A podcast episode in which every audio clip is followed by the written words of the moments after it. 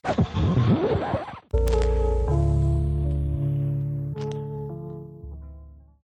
semuanya, Eh, selamat datang ke podcast perdana kita. Hari ini aku bakal seru-seruan nih dan tentunya aku nggak sendiri dong. Aku sama uh, Komunite 2018 yaitu Tania Larasati. Ayo. Halo. Iya. Hai. Oke, hari ini aku sama Tania mau ngebahas tentang self love nih.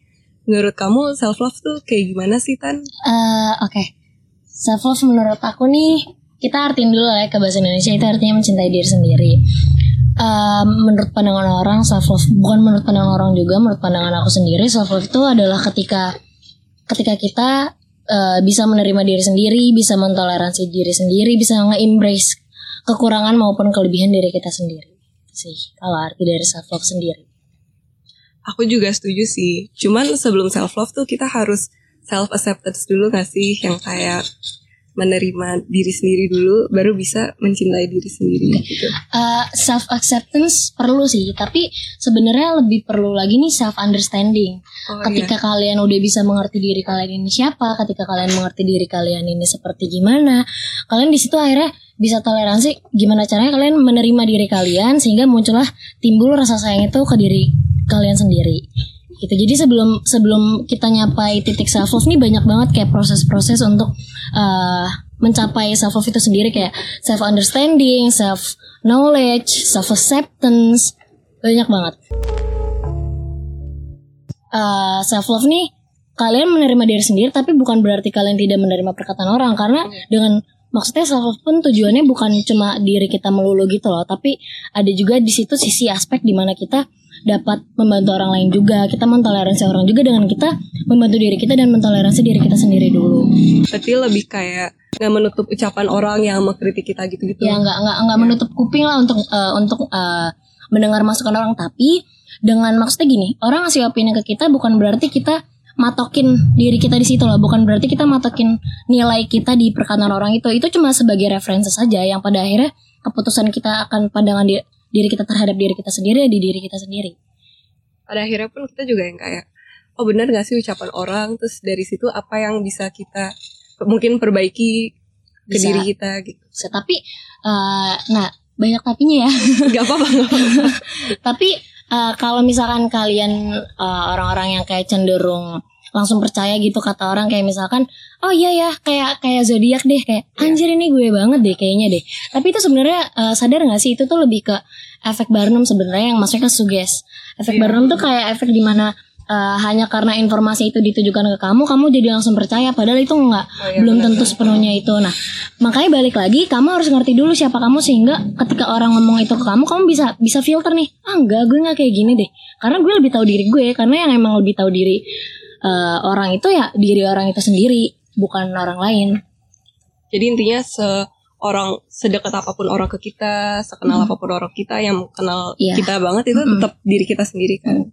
karena karena eh, aku mau nambahin lagi karena eh, definisi diri kita itu berbagai macam loh kayak definisi diri kita di mata orang tua kita definisi kita di mata teman-teman kita definisi Iya. kita di orang yang kita sayang dan definisi diri kita terhadap diri kita sendiri itu beda-beda jadi kayak makanya ketika misalkan kamu nggak terdefinisikan berdasarkan eh, deskripsi kamu yang diberikan oleh orang tua kamu nggak. Karena Iya kamu nggak mungkin behave di depan orang tua kamu seperti kamu behave di depan teman-teman kamu. Jadi sebenarnya orang tua kamu pun oke mereka tahu kamu gimana, tapi nggak intinya kamu doang gitu loh yang tahu. Karena kamu sendiri yang eh, mem- mem- mencabangkan diri kamu, behave kamu di berbagai macam ruang. Lebih kayak kita menyesuaikan eh, lawan bicara kita siapa Iya. dan cara kita berperilaku gitu.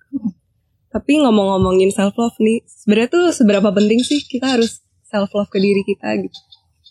Menurut aku sih penting penting banget karena itu eh benar-benar ngaruh ke segala aspek. eh self love nih sebenarnya lebih ke pola pikir bukan cara kita bertindak karena Hmm, lebih ke mindset, lebih cara kita berpikir ini seperti apa karena itu yang bakal ngaruhin ke cara kita bertindak. Kita mau sosokan bertindak kita self love tapi pola pikir kita masih gak jelas itu percuma aja karena itu Iya, cuma cuma cuma sesaat aja. Jadi kayak pentingnya nih eh, mindset ketika kamu dapat memahami diri kamu sendiri, kamu menyayangi diri kamu sendiri, akhirnya kamu eh, itu memudahkan kamu untuk menentukan uh, behave kamu ke lingkungan kamu itu dapat membantu kamu untuk membantu orang lain itu dapat membantu kamu menentukan kayak masa depan kamu. Apa sih yang mau gue Iya, lakuin? betul. karena gue kelebihannya apa nih? Kekurangannya apa nih? Jadi itu Iya. itu intinya lebih memudahkan kamu aja dalam dalam benar-benar dalam melakukan segala aktivitas. Karena kan kalau kita setiap manusia kan pasti punya kekurangan kan. Cuman emang kadang ada kekurangan yang bisa diubah atau diperbaiki dan ada juga yang enggak. Misalnya kayak misalnya aku ngerasa aku gendut gitu. Hmm. ya maka aku harus diet harus olahraga gitu tapi kalau misalnya kayak aduh aku nggak suka deh aku kayak punya tanda lahir itu kan nggak bisa diubah gitu Oh iya. iya. Tapi nah, nah gini nih, eh, gimana caranya kita emang kita nggak bisa ngilangin kekurangan kita yang kita sebut sebagai kekurangan, tapi kita bisa eh, menimbulkan lebih kelebihan kita kayak, oke kamu punya kekurangan ini, tapi kamu kelebihannya apa? Jadi kayak orang eh, kamu dengan konteks self love ini jangan melulu menerima kekurangan tapi juga mengimbres kelebihan kamu sehingga kekurangan kamu dapat kamu minimalisir. Dan syukurin aja ketika kamu berarti kan kamu jatuhnya kalau misalkan gini kayak contohnya punya tanda lahir terus kamu ngerasa ih eh, gue jelek gue kayak punya tanda lahir segala macam. Hmm. tapi kayak eh ketika kamu menerima diri kamu ya ya udah oh ini gue loh. Ini yang bikin gue unik adalah gue punya tanda lahir. Di situ ini kamu ini bukan gue gitu. exactly. Mm-mm. jadi kamu kayak di situ melakukan self acceptance secara sadar. Eh, mungkin lebih ke kayak menerima kekurangan kita dan lebih kayak oh ya udah aku punya kekurangan aku juga manusia gitu Mm. tapi juga lebih kayak Nunjukin mengembangkan kelebihan. kelebihan yang kita punya gitu. Kamu tahu gak sih kira-kira kenapa sih orang tuh kayak susah banget self love? Eh, mungkin mereka cenderung pertama insecure pasti banget itu insecure karena apa karena beauty standard Iya. karena eh, apa namanya pandangan orang terhadap cantik nih seperti apa sih jadi gini ketika orang eh, merasa dirinya cantik mereka dapat pujian karena orang biasanya memuji orang nih yang yang punya nggak melulu Kelebihan. tentang cantik gitu loh tapi mereka punya vibes confident dan mereka tuh Iya. kayak admire dan pujian dan orang ketika dipuji itu dapat kepuasan sendiri Iya. sehingga orang yang orang yang ngerasa dirinya jelek dia kayak eh, low esteem self love self self low esteem sama insecure tuh kayak ah nih gue gak pede sehingga maksudnya dia aja nggak muji dirinya sendiri gimana orang bisa muji diri dia Iya. jadi dia nggak dapat kepuasan itu akhirnya kayak dia makin makin Minder. Mm-mm, makin minder makin kayak nggak mau gimana gimana akhirnya kayak dia berpura-pura gimana gimana dan dan dan orang bisa ngerasain itu gitu loh jadi kayak orang juga kayak malas aja muji yang fake Iya. Jadi sebenarnya tuh eh, yang aku tangkap itu kita nggak harus kayak fisiknya bagus dan sempurna banget gitu. Cuman selama kita kayak pede dan membawa diri kita kayak ini gue loh gitu, orang juga bakal wah gila lo pede banget gitu Iya, ya. exactly. Kayak kalian yang nunjukin kelebihan aja. Misalkan gini, kalau kalian ngerasa jelek ya gimana caranya kalian nunjukin sesuatu hal yang yang bikin kalian ngerasa cantik. Gak nggak cuma physical look loh. Ini maksudnya kayak cantik kan nggak nggak melulu Entah soal aura fisik. gitu. Iya, entah aura, vibes, cara kalian berbicara, cara kalian mentreat other people. Gitu sih. Tapi kalau dari yang aku lihat tuh eh, kadang sepede-pedenya kita dengan eh, kekurangan kita, kadang masih banyak orang yang kayak menjatuhkan gitu gitu loh kayak Mhm. misalnya udah lama nggak ketemu nih habis itu kayak basa-basi kayak eh apa kabar lo kalau sekarang gendutan sih dan Iya. kadang itu justru yang bikin eh, orang itu yang tadinya percaya diri jadi mental breakdown. Nah, balik lagi sebenarnya terus gini dong. Dia percaya kalau being fat is not good, being fat is ugly. Berarti dia balik lagi ke pola pikir kayak ya udah kalau misalkan gendutan ya ya udah terus bilang aja kayak ya terus kenapa kalau gue gendutan kayak ya udah kayak kalian pede aja kayak nggak nggak melulu orang gendut itu jelek nggak melulu orang kurus itu cantik sebaliknya. Nggak melulu seperti itu gimana caranya kalian mindset aja di diputerin lagi mindsetnya kayak eh, ilangin lagi tuh beauty standard yang udah selama ini dicekokin sama iklan-iklan sama sama omongan orang-orang. Kayak mamaku pun sering kayak ngomong dia kamu gendut banget sih. Sana deh nge-gym deh gitu-gitu loh. Tapi aku yang kayak ya ya orang aku nggak mau ya ya udah. Beda-beda konteks ya kalau kita ngomongin health ya. Iya. Tapi kalau Lebih ini ke lebih ke physical appearance. lebih ke physical appearance ketika aku udah nyaman sama diri aku aku ngerasa kayak ya udah aku nih sekarang mau ngembangin dulu deh uh, self quality-nya kayak di uh, cara aku berkomunikasi dulu cara aku berpikir dulu aku mau ngembangin ini dulu. Terus nanti baru itu bakal nyusul. Ketika aku misalkan udah berpikiran yang ketika aku paham diri aku oh kayaknya diri aku udah nggak nggak sehat nih kalau misalkan jarang olahraga. Ya udah akhirnya olahraga. Dan dan bonusnya nih ya kurus tapi nggak patokan aku olahraga nih nggak nggak di harus si kurus, kurus ini Dia lebih ke pengen Mm. sehat aja Mm. gitu berarti kesimpulannya tuh kayak eh, apa pun orang yang bilang ke kita sama kita kayak pede dan kayak oh enggak kok emang sih bener tapi Mm. karena aku bisa nerima diri aku juga kayak ya udah jadi nggak peduli gitu jadi Oh. kayak oh ya udah gitu Mm. lebih nerima aja Iya, nerima. Percuma aja orang-orang misalkan sesuai beauty standar misalkan kayak Iya. cantik, kurus, putih, rambut panjang, terus kayak tapi menurut aku ya percuma aja kalau dia nggak nggak bisa mentreat other people kindly, dia bakalan kalah sama orang yang biasa aja tapi dia tahu gimana cara nge orang dengan baik, dia tahu gimana Iya. caranya behavior yang dengan benar. Pada akhirnya orang juga bakalan sadar mendingan orang yang biasa aja tapi dia punya self quality yang bagus daripada orang yang physical appearance-nya oke banget tapi dia kayak minus banget behaviornya dan cara berpikirnya tuh dangkal itu mendingan mendingan orang yang biasa aja sih menurut aku. Bener sih. Jadi dari yang aku lihat sekarang tuh emang beauty standards tetap ada tapi meskipun ada kadang orang udah kayak mulai mengesampingkan kayak ah can- orang cantik gak harus kayak gitu orang ganteng Mm, gak harus kayak mm. gitu kan. Kan apa ya cantik di Indonesia tuh yang kayak gimana sih? Yang kayak tinggi putih kurus Rambut panjang, rambut panjang. sama kuntilanak kan. yang kayak gitu kan. Dan eh, aku bersyukur sih sekarang udah mulai luntur gitu. Mm-mm. Eh, tapi yang aku sadarin adalah beauty standard. Gak cuma di Indonesia deh kayak di di all over the world juga. Itu kayak bakalan terus evolving deh kayak bakalan terus berubah aja. Kayak dulu nih pas kita kecil ya beauty standardnya kurus putih eh tinggi. tinggi.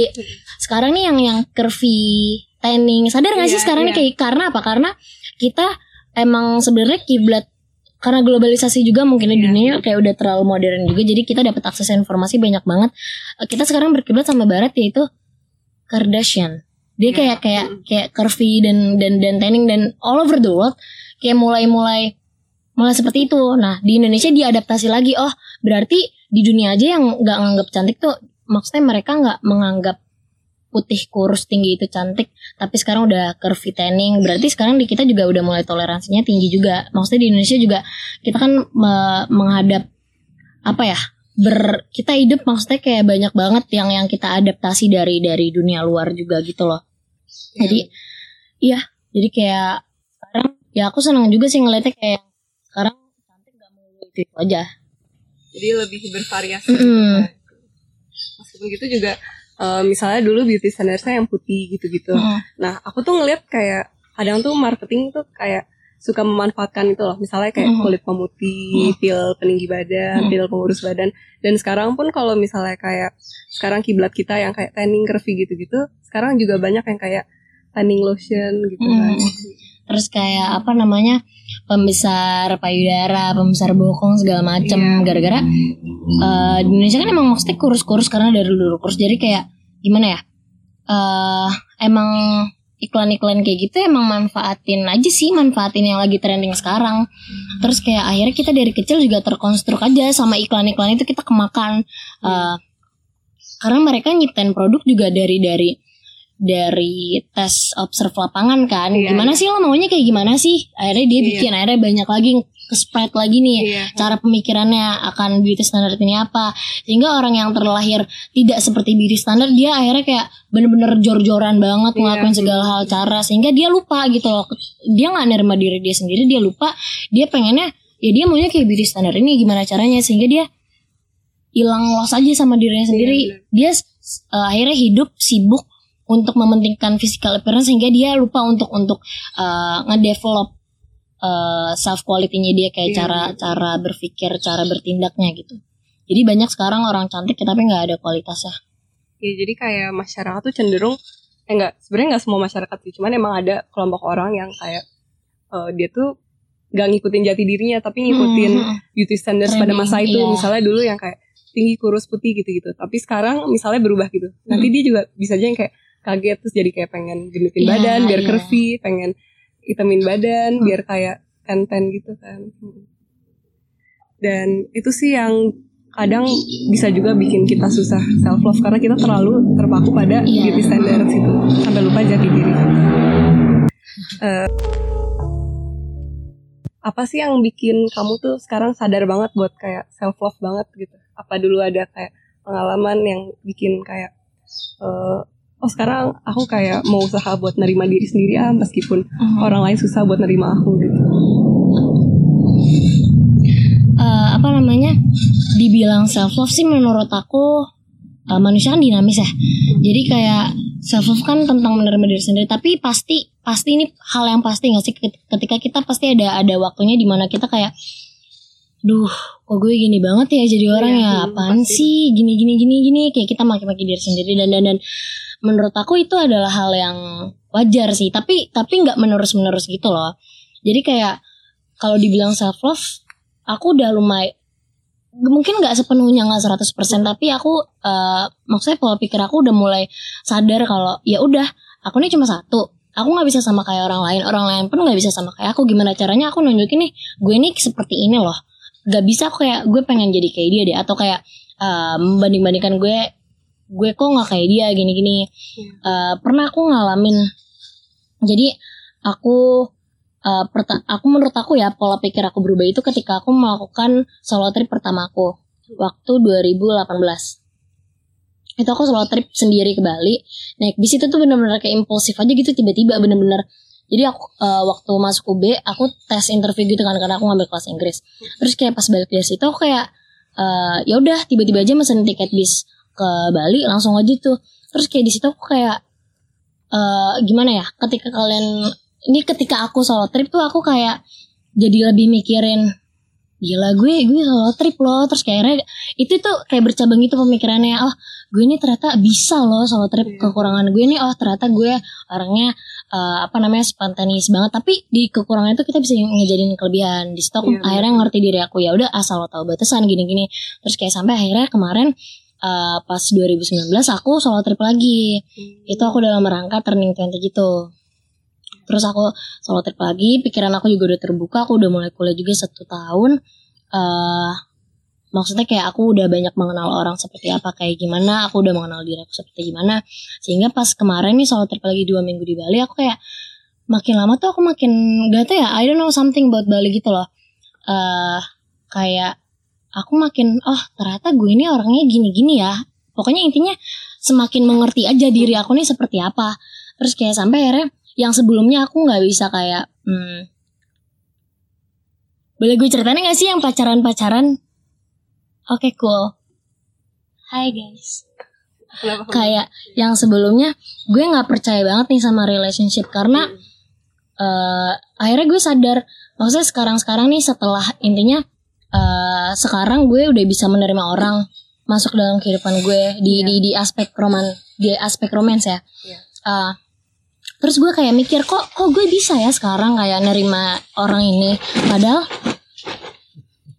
padahal sebelumnya gue nggak nggak pernah bisa gitu loh oh ternyata gue sadar oh ternyata semenjak gue turning 20 di situ uh, gue melakukan hal yang gue suka which is solo traveler di situ akhirnya gue uh, bisa menerima diri gue sendiri sehingga gue bisa buka pintu buat orang lain sehingga gue bisa bisa uh, memahami orang lain lebih lagi gue bisa membantu orang lain. Ternyata gue harus ternyata semua hal yang gue lakuin harus mulai dari diri gue sendiri dulu ya ternyata ya. Kayak ketika ketika gue bisa menerima orang lain ya gue harus bisa dulu menerima diri gue ini siapa. Ketika gue bisa bantuin orang lain ya gue harus bisa dulu bantuin diri gue siapa. Gitu sih jadi kayak aku eh, nemuin self realizationnya kayak oh ternyata gue ini seperti ini. Akhirnya kayak eh, aku mulai melakukan self understanding aku mulai melakukan aku mulai eh, mengerti diri aku ini seperti apa sehingga muncullah di titik aku kayak oh kayaknya gue udah mulai sayang deh sama diri gue sendiri. Kayak ya udahlah ya maksudnya kayak orang ya orang gue ya gue. Pun kalau misalkan gue dikasih tahu kejelekan gue maksudnya kayak kekurangan gue gue terlalu over apa gue terlalu kurang apa ya udah gue dengerin. Nanti gue coba coba coba ini dulu deh coba ngobrolin diri dulu. Eh, pernah gak sih kayak eh, kamu ngobrol sama diri sendiri kayak eh eh, kayak kan ya ini mungkin emang sounds like a crazy person sih tapi eh, sebenarnya ini adalah salah satu hal yang efektif buat kamu untuk mengenal diri kamu sendiri. Coba tiap malam kamu ngobrol sendiri di depan kaca ataupun ngobrol sendiri aja kayak ngobrolin hari-hari kamu gimana. Di situ ya udah kamu harus menjadi teman terbaik untuk diri kamu sendiri dulu sebelum kamu menjadi teman terbaik untuk orang aku juga aku juga pernah sih kak kayak gitu. Jadi kayak misalnya nih aku kan kadang nggak sadar gitu loh apa yang aku rasa. Misalnya aku lagi sedih tapi aku nggak sadar gitu. Aku sedih itu akhirnya aku kayak uh, bahkan aku disadarin sama orang lain kayak kamu kenapa? Kamu lagi sedih gitu. Terus aku bener-bener kayak ah enggak biasa aja. Tapi emang pas itu aku bener-bener nggak jadi diri aku gitu loh. Aku kayak diem. Padahal kan aku bukan orang yang diem kan. Sampai akhirnya aku kayak pulang terus pas di kos sendiri aku mikir kayak aku ini kenapa ya? Terus aku berusaha buat menerima apa yang aku rasa gitu kayak Uh, kadang kan kita kalau lagi sama orang lain kan kayak suka ke influence itu kan kayak ke bawah Iya, gitu. kayak kita kadang nggak sadar mau kita apa apa yang kita rasain gitu. Terus kayak aku jadi aku mikir gitu kayak sebenarnya aku kenapa sih? Terus setelah aku mikir kayak oh ternyata aku sedih terus kayak gara-gara ini. Dan itu setelah kayak aku ngobrol sama diri aku Merenung, sendiri ya. merenung gitu. Penting itu emang penting banget. Meskipun kalau dilakuin di depan orang pasti aneh gitu kan. Eh, makanya kayak ini kalau mau ngomongin agama ya eh di agama aku sendiri ada ada ada kayak firman sebelum lo ngenalin Tuhan lo lo mesti ngenalin diri lo sendiri dulu. Kayak kayak penting banget. Jadi semua bentuk sembahyang semua bentuk ibadah itu sebenarnya buat kayak nenangin kita sehingga kita ber- bisa berpikir secara jernih baru kita berdoa kita berarti kan maksudnya itu melakukan ini dulu kan melakukan ketenangan terhadap diri kita sendiri dulu sehingga kita dapat berpikir dengan jernih ke diri kita sendiri. Di situ baru kayak ketika kita punya clear mind ya udah di situ kita bisa bisa bisa tahu apa yang kita mau apa yang kita butuh segala macam. Jadi eh, kalau eh, yang bisa aku tangkap itu meskipun kita misalnya kayak misalnya aku nih aku kan suka apa ya suka sama orang lain suka berteman gitu nggak terlalu suka ambil waktu sendiri gitu tapi sebenarnya kayak butuh juga gitu ambil waktu sendiri buat lebih eh, kembali lagi nyadarin ke diri kita Hmm. apa yang kita mau sih apa yang kita butuh terus apa yang kita rasa dan ya mengingat-ingat aja gitu ke diri sendiri Eh, jadi dari pembicaraan aku sama Tania nih kesimpulannya itu adalah kita harus self love. Kenapa sih kita harus self love? Karena self love itu eh, penting banget buat diri kita sendiri agar kita lebih mengenal diri kita, lebih memahami diri kita dan di saat kita udah mengenali dan mema- memahami diri kita sendiri, orang lain juga bakal mengenal dan memahami dan lebih mengerti kita, lebih menerima kita. Gitu aja sih. kalau dari aku closing statementnya eh, ya udah coba dulu deh ngertiin diri kalian sendiri dulu pahamin kalian ini maunya apa kalian butuhnya apa itu dua hal yang berbeda banget sehingga kalian bisa menerima diri kalian apa adanya. Dan kalian sadar kalau kalian ini nggak ada duanya